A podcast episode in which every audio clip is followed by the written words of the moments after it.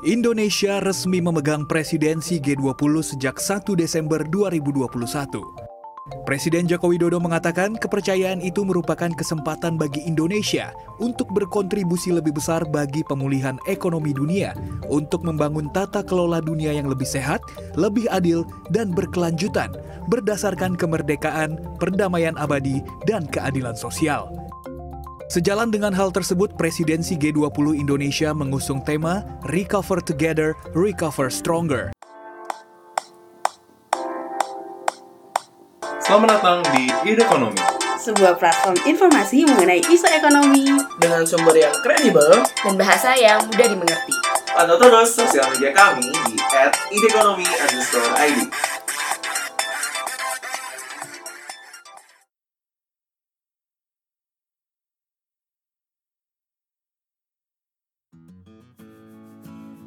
Selamat datang dear listeners, kembali lagi di podcast Ide Ekonomi bersama saya Rahma yang akan memandu episode hari ini.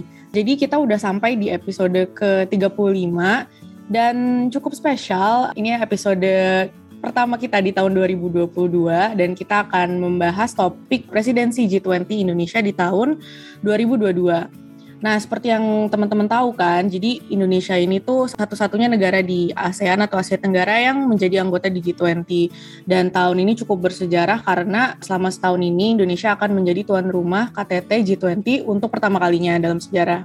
Pemerintah tuh juga udah melihat nih banyak banget potensi ekonomi dan manfaatnya dari momentum G20 di tahun ini. Salah satunya itu kan diharapkan ada peningkatan konsumsi domestik, lalu penambahan PDB, dan juga mungkin diharapkannya juga ada pelibatan tenaga kerja di berbagai sektor industri. Dan temanya tuh hal yang diangkat oleh Indonesia adalah recover together, recover stronger, karena menyangkut dengan pemulihan ekonomi post-COVID. Dan seperti kita tahu juga mungkin sebagai info awal ada beberapa jalur atau track nih di G20. Tapi mungkin ide listeners kan bertanya-tanya ya ada apa aja tuh, lalu sebenarnya relevansinya dengan ekonomi saat ini bagaimana, lalu sebenarnya seberapa penting sih si G20 ini, apalagi di masa-masa pandemi sekarang ini ya, yang mengangkat isu-isu penting mulai dari mulai dari kesehatan hingga teknologi. Nah, untuk menjawab semua pertanyaan itu, kita sudah kedatangan narasumber yang sebenarnya tidak asing lagi. Mungkin kalau ide listener sudah pernah dengar episode zaman dulu, berapa ya, dua tahun lalu kira-kira. Tapi itu kita bahasnya waktu itu seru tuh, topik tentang percintaan. Kalau mungkin sekarang kita akan membahas yang lebih agak serius sedikit. Selamat datang Kak Dandi Raffitrandi. Halo Kak. Halo, halo Rahma. Halo semuanya. Yes. sehat ya Kak Dandi? Sehat, sehat, sehat. Sehat juga ya Rahma ya. Sehat.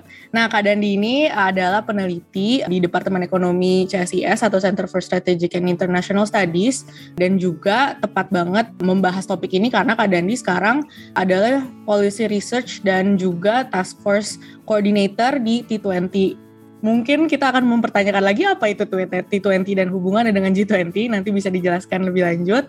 Tapi juga mungkin sebagai background juga nih backgroundnya Kak Dandi meraih uh, gelar sarjana di Universitas Indonesia dan juga masters di Policy Economics dari University of Illinois at Urbana-Champaign. Oke, tanpa berlama-lama lagi, kita langsung aja ke pertanyaan pertama nih ya. Jadi mungkin sebagai background atau latar belakang nih Kak Dandi, apa itu forum G20 dan mungkin kita kan udah pernah dengar ada G7 or G8 or mungkin ada banyak tuh lah angka-angka yang pernah menjadi KTT lainnya dan aktivitas apa aja sih di forum G20 yang akan diadakan di tahun ini? Oke, okay. thank you Rama uh, atas perkenalannya dan juga undangannya. Ini kalau ngomongin G20 kayaknya kalau tahun ini kayak semuanya ngomongin G20 ya. Jadi ini mungkin mungkin basic-basicnya sudah banyak yang pernah baca gitu ya atau pernah dengar. Cuman uh, intinya adalah G20 ini adalah kumpulan negara-negara dengan PDB terbesar gitu ya. 19 negara sih. Uh, specifically 19 negara dengan PDB terbesar ditambah satu itu adalah Uni Eropa. Karena Uni Eropa itu kan satu macam union ya. Jadi uh, dan di situ juga termasuk negara-negara uh, Eropa. Jadi bisa dilihat sendiri dari segi PDB-nya gitu ya itu mungkin hampir 80% dari total GDP di dunia. Jadi sangat signifikan. In terms of total trade atau perdagangan internasional itu menguasai ya sekitar 80% juga gitu ya uh, kita bisa bilang uh, populasi sekitar 65% gitu ya. Jadi kalau di, bisa dibilang ya G20 ini sebenarnya memang representasi dari negara-negara yang quote and quote signifikan gitu ya untuk bisa men-set agenda-agenda ke depan yang tentunya akan berhubungan sekali dengan uh, pembangunan ekonomi gitu ya khususnya. Nah, ini mungkin kalau saya cerita lebih lanjut ya, Rahma ya, terkait dengan apa saja yang sudah dilakukan oleh G20, itu mungkin kita bisa balik ke beberapa tahun yang lalu gitu ya, di tahun 2008 2009 ya 2009 itu memang ada uh, krisis financial uh, financial krisis gitu ya. Itu di situ memang mungkin salah satu pencapaian G20 terbesar gitu ya untuk bisa merespon krisis global yang pada saat itu memang sangat dinanti-nanti gitu ya policy response dari G20 karena efek dari uh, krisis global yang tadinya di Amerika Serikat gitu ya sudah melebar ke mana-mana. Jadi nah sampai sampai sekarang kita bisa lihat bahwa dari tahun kemarin yang 2008 sampai 2009 sampai tahun 2020 itu kan relatively uh, krisisnya nggak terlalu besar-besar gitu ya. Ada apa ups and down, cuman di tahun 2020 inilah kita diketemukan oleh krisis yang multidimensional dan lain-lain gitu ya. Ini ada COVID, uh, nggak cuma ekonomi yang uh, terkena dampaknya, ada juga kesehatan, masuk ke sosial dan politik gitu ya. Dan ini G20 yang saya saya bisa bilang seperti tertidur gitu ya. Jadi ini kemarin itu tahun 2008 2009 itu sangat agile gitu ya, sangat agile karena ini platform yang G20 ini ada political powernya, cuman nggak butuh birokrasi gitu ya, birokrasi yang uh, berbelit-belit sehingga negara-negara yang di G20 itu punya satu visi yang sama. Nah, dari tahun 2009 sampai 2020 itu ternyata agendanya banyak sekali gitu ya. Jadi melahirkan apa banyak agenda-agenda dari employment, ada health juga, ya. Terus ada oh working group working group itu yang merupakan adalah bagian-bagian dari G20 itu itu semakin banyak. Jadi ngurusinnya tuh dari A sampai Z sekarang G20 nah ketika ada krisis gitu ya mungkin ini yang akan menjadi tantangan uh, bagi Indonesia ke depan ya, bagaimana bisa fokus untuk memberikan solusi yang konkret gitu ya untuk bisa keluar tadi recover together, recover stronger. Nah ini mungkin sebagai background gitu ya. Mudah-mudahan uh, bisa memperlihatkan betapa menantangnya presidensi Indonesia ini di uh, tahun 2022. Bisa dibilang kalau memang semenantang itu ini kayaknya dari sejarah pertama kali di 2008 memang kita melihat semakin relevan ya dan harapannya bukan cuman sampai di diskusi-diskusinya doang kalau gitu ya. Oke, kalau misalnya tadi kan Kak Dandi sempat mention tentang seberapa pentingnya ini apalagi di masa pandemi. Nah, sebenarnya di G20 ini tuh ada isu-isu prioritas yang udah ditentuin belum sih yang akan diangkat selama satu tahun ini? Karena pernah baca juga kan bahwa ada tiga pilar nih Indonesia kan sudah menentukan isu-isu tersebut dan gimana itu mungkin pentingnya si tiga isu itu dalam pemulihan ekonomi global tuh gimana kak? Ya, ini mungkin salah satu effort dari pemerintah Indonesia untuk bisa lebih mengkerucutkan gitu ya agenda-agenda yang memang sudah banyak gitu ya. Um, kita bisa lihat ada tiga tadi Rahma juga sudah jelaskan apa aja sih tiga ini. Yang pertama itu adalah terkait dengan uh, kesehatan global atau global health architecture. Jadi kita tahu sendiri tantangan terbesar dari penyelesaian gitu ya atau recovery dari uh, pandemi ini dari COVID-19 ini itu adalah bagaimana bisa uh, akses dari vaksin gitu ya. Akses dari vaksin ini lebih equal lebih merata lebih terdistribusi gitu ya. Kita tahu sendiri bahwa memang um, varian dari COVID ini kan terus bermutasi gitu ya. Dan ini kita nggak bisa rely on hanya segelintir gitu ya produsen vaksin dan juga bagaimana muncul pertanyaan bagaimana negara-negara berpendapatan menengah dan ke bawah itu bisa afford vaksin-vaksin ini gitu ya ini menimbulkan pertanyaan terkait dengan isu financingnya. Ya kita tahu sendiri untuk negara-negara yang berpendapatan tinggi mungkin hal ini bukan masalah gitu ya. Tapi untuk negara-negara yang berpendapatan menengah dan ke bawah ini masalah besar. Mereka nggak bisa afford, mereka lack of access gitu ya. Dan kita tahu sendiri bahwa COVID ini nggak akan selesai kalau misalnya semua orang itu bisa safe gitu kan. Jadi inilah sebenarnya yang harus diusung di pilar pertama ini dari presidensi Indonesia bahwa kita harus punya satu sistem global health yang bisa diandalkan dan bisa siap gitu ya. Preparedness untuk the next pandemi itu kita harus siap. Jadi ketika nanti ada pandemi, ketika ada krisis lagi, gitu ya, kita nggak reinvent the wheel lagi. Kita nggak balik lagi ke belakang, kita trace back lagi uh, bagaimana nanti produksi vaksin dari A sampai Z, distribusinya lagi gitu ya. Dan ini harus sudah ada frameworknya. Jadi ini mungkin merupakan salah satu uh, kontribusi yang uh, besar juga gitu ya kalau misalnya Indonesia bisa uh, menggolkan pilar pertama ini. Nah untuk pilar kedua ini ini terkait dengan digital transformation. Ini bisa dikaitkan juga dengan COVID karena memang akibat dari uh, restriksi mobilitas gitu ya ini digitalisasi itu sangat terakselerasi. Nah, ini diharapkan dengan semakin besarnya quote unquote kue dari ekonomi digital ini bisa memberikan manfaat yang terdistribusi dengan equal juga, lebih inklusif juga dan bisa produktif gitu kan. Jadi di sini bisa uh, di pilar kedua ini memang ini kan kalau Indonesia itu kan sekarang merupakan salah satu negara yang mungkin bisa dibilang paling dinamis ya in terms of landscape dari ekonomi digitalnya. Ini banyak hal-hal yang bisa dipelajari dari Indonesia dan juga negara-negara lain di G20 gitu ya untuk bisa bersama-sama mendiskusikan bagaimana sih membuat ekonomi digital ini ke depannya lebih inklusif dan juga produktif. Nah, yang ketiga, yang terakhir yang terkait dengan uh, energi transisi tentunya pastinya terkait dengan perubahan iklim dan juga bagaimana komitmen Indonesia dan negara-negara G20 lainnya untuk bisa mengurangi emisi gas karbon gitu ya.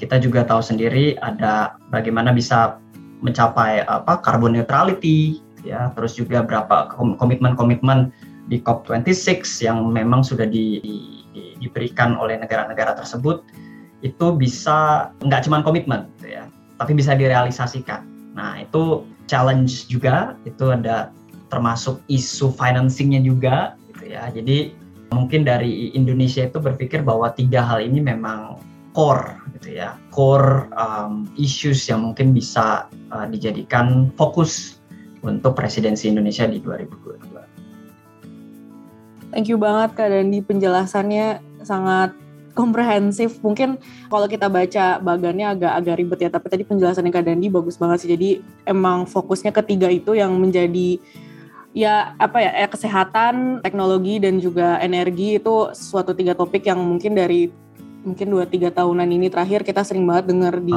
di ya. media ya, ya paling, paling hot ya. hot issue kan gitu uh, dan sebenarnya diharapkannya mungkin Indonesia nih bisa mendrive kan si tiga isu ini. Nah ini nyambung ke pertanyaan selanjutnya sebenarnya. Mm-hmm. Kan tadi Kak Dani bilang Indonesia tuh salah satu yang dinamis juga gitu kan dan Indonesia tuh termasuk dari negara-negara Asia yang mungkin bisa dibilang tidak seberuntung negara-negara maju dalam hal akses ke vaksin gitu kan. Jadi kalau misalnya saya ngeliat di sini sih Indonesia bisa jadi representatif suara untuk Eh, ini ya menyuarakan global south di mana yang ada ketimpangan akses vaksin itu gitu.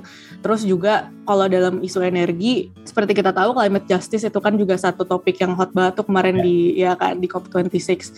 Nah, Kak Dandi ada insight nggak sih sebenarnya gimana Indonesia ini punya peran spesifik nih di pembahasan isu-isu tersebut?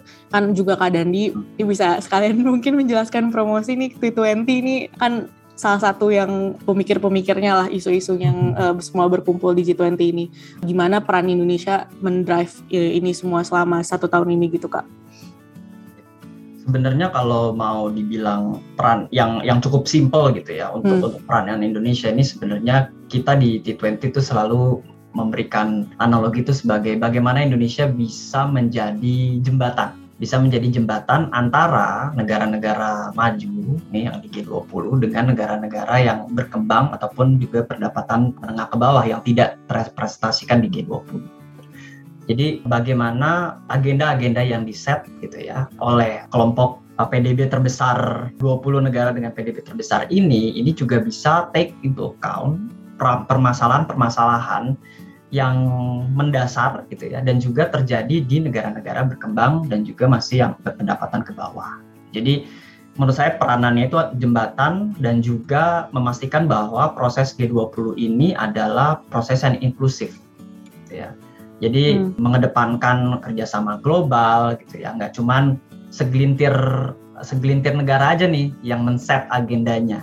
Jadi kalau Indonesia ini bisa menjadi ya itu tadi jembatan dan juga penyambung lah ya ini karena sekarang mungkin Rama juga pasti udah tahu ya kepentingan antara negara-negara berkembang dan negara maju ini kan kayaknya semakin berbeda gitu ya misalnya kita ngomongin tentang kebijakan perdagangan gitu ya uh, carbon tax gitu nah ini mungkin perlu adanya satu penyamaan visi gitu ya penyamaan hmm. visi bahwa oh kita nggak bisa langsung misalnya negara tersebut harus karbonnya harus nol gitu ya.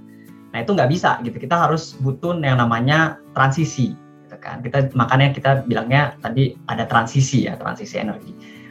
Dan transisi energi ini mahal gitu. Siapa yang mau menanggung biayanya? Gitu. Kita punya opportunity cost yang cukup besar gitu di negara-negara berkembang bahwa kita nggak bisa menggunakan misalnya resources yang sebenarnya kan murah gitu ya, murah in terms of karena memang mungkin adalah kotor dan tidak baik bagi lingkungan. Gitu. Nah ini siapa yang mau menanggung biayanya?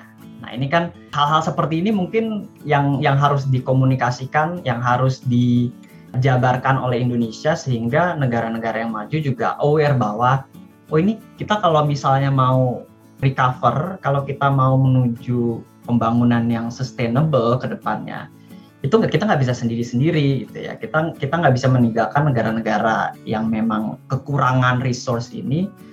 Ya udah mereka terserah deh do or die gitu ya misalnya.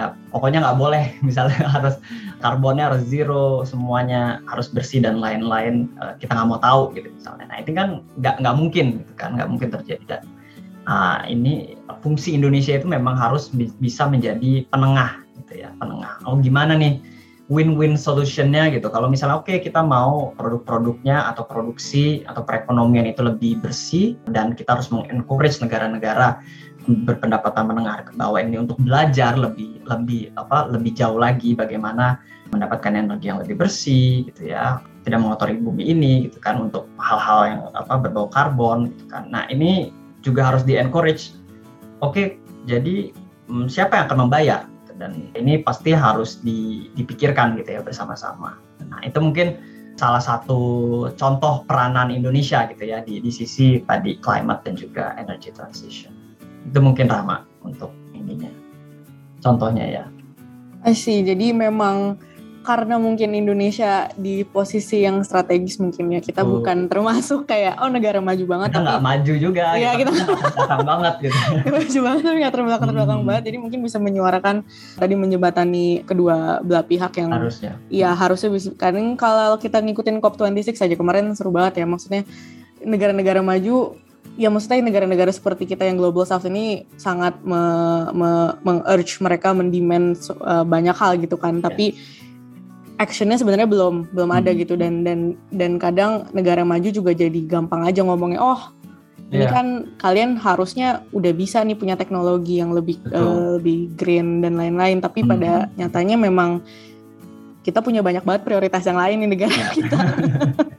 Gitu kan. Education belum beres gitu ya yeah. belum beres dan lain-lain. Yeah. dan mungkin yang yang yang yang kita butuhkan juga investasi gitu ya investasi dari negara-negara maju ini. Hmm. Bagaimana mereka bisa membantu untuk ya tadi bisa uh, investasi ke negara-negara berkembang.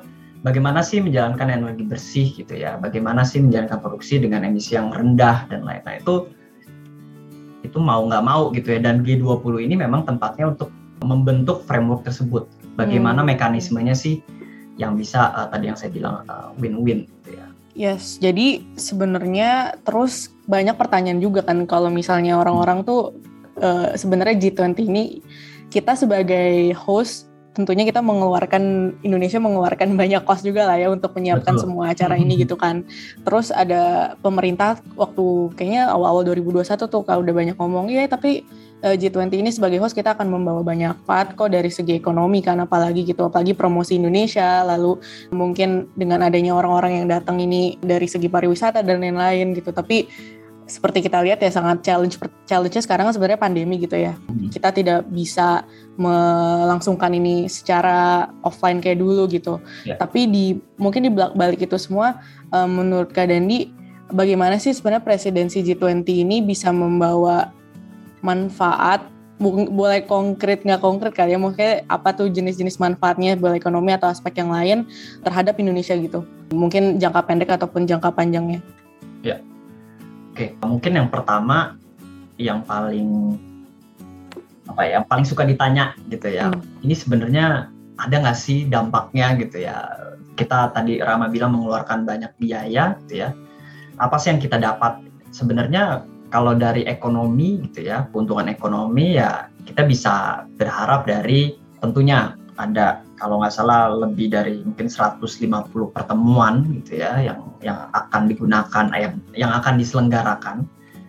Jadi mungkin kita tahu bahwa memang summitnya kan nanti eh, bulan Oktober gitu ya di Bali. Tapi di sepanjang tahun gitu ya sampai Oktober itu memang tersebar pertemuan, meetings, conference, workshop, dissemination, you name it lah. Semua itu dari berbagai working groups gitu ya, working groups, engagement groups ini juga kita upayakan atau pemerintah Indonesia upayakan itu supaya bisa menggerakkan perekonomian lokal gitu ya. Jadi nggak cuma terkonsentrasi di Bali aja, nggak cuma terkonsentrasi di Jakarta aja, tapi ada di Labuan Bajo, ada di Sumatera Utara, gitu, ya, Kalimantan, Sulawesi. Nah ini yang saya yang saya encourage gitu ya dan uh, beberapa kali juga saya sempat jelaskan ya bagaimana pemerintah daerah juga gitu ya bisa memanfaatkan momentum ini gitu. Oh kita tahu nih ada mungkin nanti teman-teman yang kuliah gitu ya di, di misalnya di di universitas ataupun se- sekolah saya tahu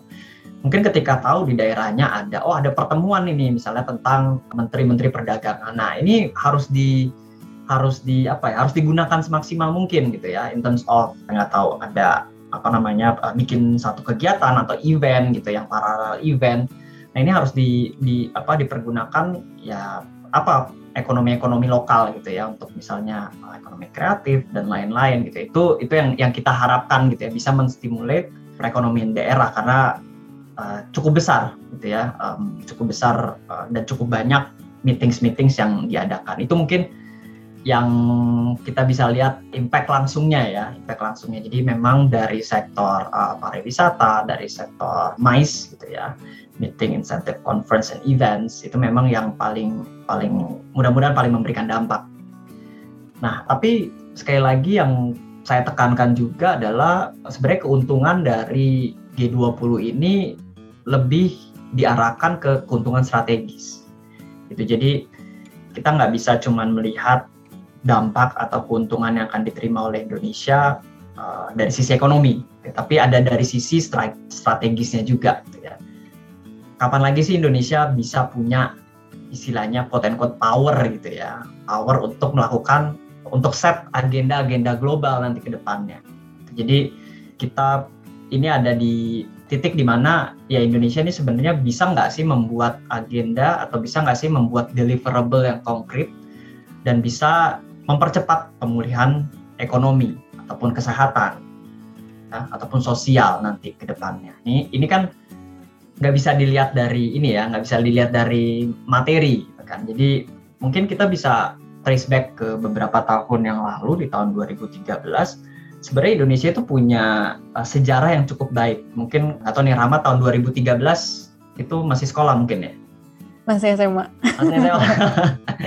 nah 2013 tuh mungkin uh, ya du- 2013 ini saya masih awal-awal masuk gitu ya, masih awal masuk kerja di CSIS itu ada apa conference uh, WTO ministerial meetingnya itu uh, di Bali dan itu merupakan salah satu meeting setelah Doha yang punya uh, Doha Development Agenda gitu kan yang sekarang masih tanda tanya itu merupakan meetings yang mem- memiliki uh, deliverable yang paling konkret. Jadi ada yang namanya Trade Facilitation Agreement. Jadi Indonesia ini sebenarnya di mata dunia itu punya punya historical evidence yang baik gitu ya sebagai penengah gitu atau memberikan solusi di tengah benar-benar di tengah kebuntu kebuntuan kalau bisa dibilang tahun 2013 itu memang ketika ada trade facilitation agreement itu uh, itu adalah salah satu deliverable yang uh, cukup baik gitu ya di WTO. Nah, ini kita mau lihat lagi nih di G20 nih ya mudah-mudahan Indonesia bisa deliver gitu ya. Uh, dan ini mungkin di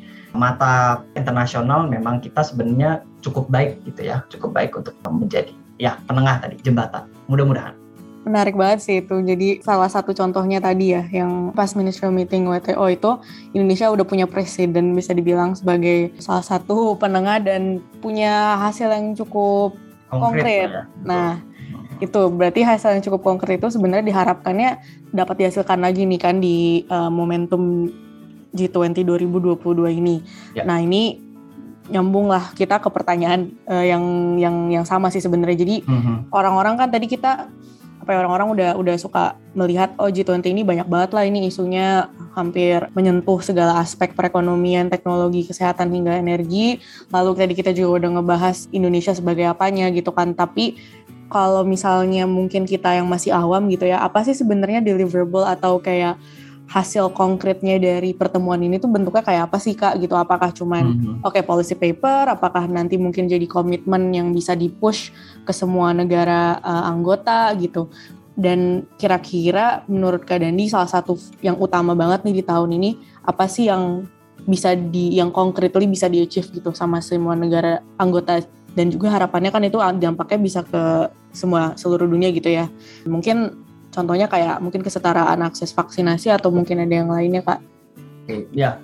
Jadi mungkin terkait dengan yang pilar pertama mungkin ya tentang hmm. global health architecture ini mungkin teman-teman juga pernah dengar gitu ya atau pernah lihat beritanya memang uh, Indonesia sedang menyiapkan semacam ya global health fund gitu ya untuk bisa tadi meningkatkan preparedness ketika nanti apabila di masa depan itu terjadi lagi apa pandemi atau krisis. Nah, ini di sini masih banyak tanda tanya gitu ya terkait dengan sisi financingnya, siapakah yang akan mendanai dan bagaimana cara pendanaannya gitu apakah negara-negara maju akan dimintai apa lebih besar gitu ya?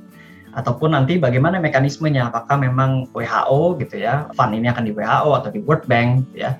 Nah ini mungkin menurut saya ini akan menjadi deliverable yang uh, sangat baik. Kalau misalnya goal gitu ya. Kalau misalnya negara-negara G20 ini berkomitmen karena menurut saya memang uh, uh, penting gitu ya. Kita punya dana yang uh, bisa stand still, bisa digunakan untuk nanti kalau misalnya nggak nggak nggak cuman pandemi yang akan akan terjadi di masa depan gitu ya, tapi juga mungkin nanti ada mutasi-mutasi dari uh, COVID-19 ini kan pasti butuh uh, pendanaan lagi ya untuk mendevelop vaksin dan lain-lain gitu ya. Nah ini kalau misalnya kita punya semacam dana cadangan atau emergency fund untuk apa pandemi ini ini pastinya tentunya akan sangat baik dan bisa menjadi safety net untuk developing countries gitu ya yang yang mereka yang nggak bisa afford vaksin gitu ya dan mungkin uh, kesulitan akses terkait dengan distribusi dan uh, produksinya gitu ya itu bisa uh, bisa mengakses dana tersebut. Jadi menurut saya itu yang menurut saya yang paling konkret gitu ya mungkin paling konkret dan mudah-mudahan paling visible gitu ya antara yang yang lainnya. Cuman kalau misalnya untuk yang pilar hmm. kedua dan pilar ketiga itu memang kita mengharapkan kalau di G20 itu biasanya come up dengan suatu framework. Framework vision dan ya komitmen gitu ya. Komitmen untuk uh, misalnya oke okay, kalau misalnya kita komit untuk pembiayaan energy transition gitu ya. Nah ini seperti apa mekanismenya? Nah ini ini yang biasanya dibahas di G20 jadi bentuknya seperti apa kita belum belum tahu gitu. Saya juga uh, outsider gitu ya. Jadi karena cuman apa pemerhati cuman kalau dari yang saya baca dan saya uh, dengar gitu ya. Ini mungkin pilar pertama deliverable menurut saya yang uh, paling konkret.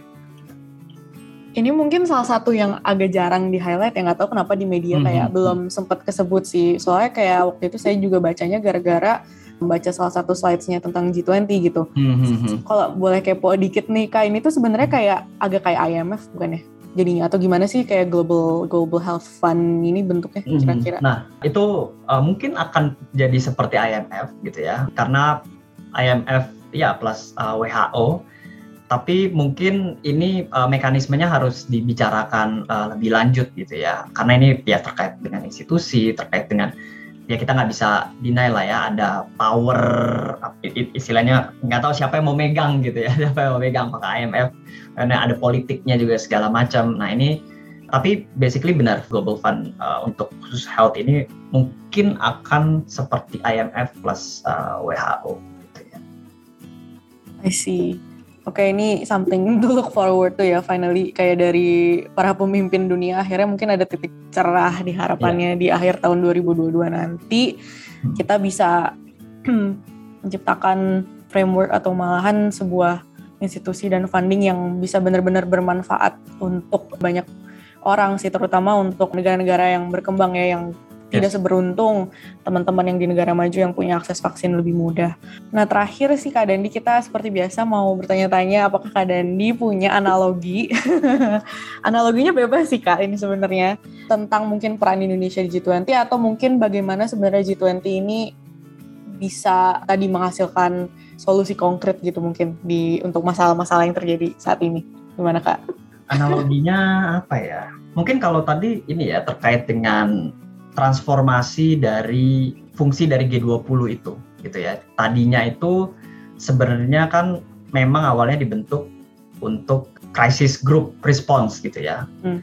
Nah, ini kan dibutuhkan agility gitu ya. Nah, tapi gara-gara nggak ada krisis gitu ya. Istilahnya kita udah lama menjadi pelari maraton gitu ya. Jadi badannya bagus lah istilahnya. Sekian lama nggak digunakan nih, nggak digunakan gitu. Jadi nggak ada nggak ada krisis atau nggak ada kompetisi maratonnya. Jadi mungkin memang sudah tubuhnya harus eh, dilemasin lagi gitu ya. Jadi ketika ada krisis, menurut saya memang responnya masih agak lama gitu. Ada ada lag-nya gitu ya. Tidak selincah, tidak selincah seperti dulu karena memang sekarang agennya jadi semakin banyak gitu kan. Nah ini gimana Indonesia nih kira-kira dari kemarin tahun 2020 uh, Arab Saudi udah Itali gitu ya. Nah Indonesia ini harusnya udah bisa lari gitu ya.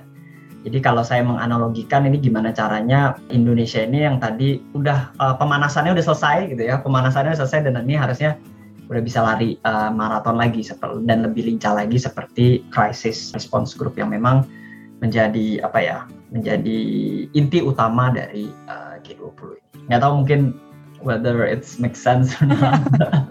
Make sense sih. Maksudnya kita udah warming up gitu kan. Yes, kita udah pemanasan iya, iya, dari iya. 2008 nih. Harusnya Indonesia Betul. kan kita dapat estafetnya sekarang kita harusnya udah bisa lari lebih cepat daripada betul, eh, betul, betul. Memang negara-negara pas ya mem- memang pas 2000 2000 2008 2009 Hmm. karena se sefokus itu gitu ya. Kita ya udah tujuannya apa? Selesaikan financial crisis titik gitu ya. Hmm. ya udah itu agenda utamanya dan jebret selesai. Nah sementara ketika di 2010, 11, 12 itu semakin banyak agenda settingnya gitu ya daripada crisis respond uh, responding uh, to crisis. gitu ya. Ketika ada krisis gitu kita agak bingung nih gimana ya dulu tuh gimana ya kok nih jadi agak apa tangannya udah agak lemaknya jadi banyak gitu ya ototnya belum kebangun lagi gitu jadi nah kemarin tuh udah dari Arab Saudi dari Italia tuh udah mungkin mudah-mudahan sih udah panas gitu ya jadi um, kita pas di Indonesia ini kita udah tahu bahwa memang kita butuh satu deliverable yang konkret untuk bisa menyelesaikan pandemi ini. Amin. Oke Kak Dandi, thank you banget udah berkenan untuk sharing-sharing nih sama ide listeners hari ini tentang topik yang sebenarnya mungkin cukup kompleks ya karena tadi kita juga udah ke mana-mana bahasnya tapi kita di sini udah mungkin bisa mengerucutkan tadi ke gimana peran Indonesia ini sebenarnya bisa sebagai jembatan di antara mungkin negara maju dan negara eh, berkembang untuk benar-benar bisa men- menemukan solusi yang konkret untuk mengatasi masalah-masalah yang sebenarnya dulu-dulu sebenarnya udah ada ya mungkin kayak energy transition dan dan teknologi tapi lebih tepatnya lagi sekarang di saat pandemi ini kita bisa mengatasi di isu-isu terkait kesehatan harapannya seperti itu. Oke Kak Dandi, sebelum kita selesai selesaikan episode kali ini, apakah Kak Dandi mungkin ada pesan-pesan terakhir mungkin terkait beberapa event di G20, T20 or uh, yang lainnya yang mungkin Kak Dandi mau sharing nih ke listeners yang listeners bisa ikut atau lihat? Oke, okay, thank you Rama. Ini mungkin uh, pesan sponsor. Jadi uh, memang tadi seperti yang dikasih tahu saya juga mewakili dari T20 gitu ya. Jadi ta tanggal 9 dan 10 Februari ini kita akan ada Inception Conference T20 judulnya Realizing Inclusive Recovery from the COVID-19 Pandemic gitu ya. Mungkin bisa nanti ada itu ya link registrasinya mungkin Rahma tolong boleh nanti dibantu di sosmed Siap, nanti dibantu ya mungkin kalau misalnya teman-teman juga uh, mau tahu tentang uh, Think 20 itu nanti bisa diakses di websitenya t20indonesia.org siap kalau gitu thank you banget nih akan menginspirasi mungkin di listeners juga nih yang pengen tahu ting teng ting teng dunia ini sangat bermanfaat buat kita semua. Yep. Oke sekali open, lagi thank open you. for public jadi oh, okay. silakan untuk join. Pembicara-pembicaranya okay. juga top notch semua. Jadi top notch dari dari oh dari bukan dari hanya negara ini juga ya? Dari dari negara negara anggota G20. Dari negara G20 di luar G20 juga. Hmm. Oke, thank you banget Kak Dandi informasinya dan juga thank you lagi sudah uh, banyak banget uh, sharing-sharing dan insights tentang G20 uh, apalagi tentang presidensi Indonesia di tahun 2022 ini. Karena keterbatasan waktu, sayang sekali ini kita harus mengakhiri perbincangan hari ini. Terima kasih banyak untuk ide listeners yang udah mendengarkan episode hari ini hingga selesai. Jangan lupa follow IG Ide Ekonomi di @ideekonomi underscore ID Uh, thank you lagi Kak Dandi. Sampai bertemu ya Kak Dandi. Mungkin di episode nanti kan kita ini udah kedua nanti ada yang ketiga dan keempat kita nggak pernah tahu. siap siap siap. Yeah. Thank you thank banget. Oke. Okay. Saya Rahma host episode kali ini pamit dulu. Sampai bertemu di episode di ekonomi selanjutnya.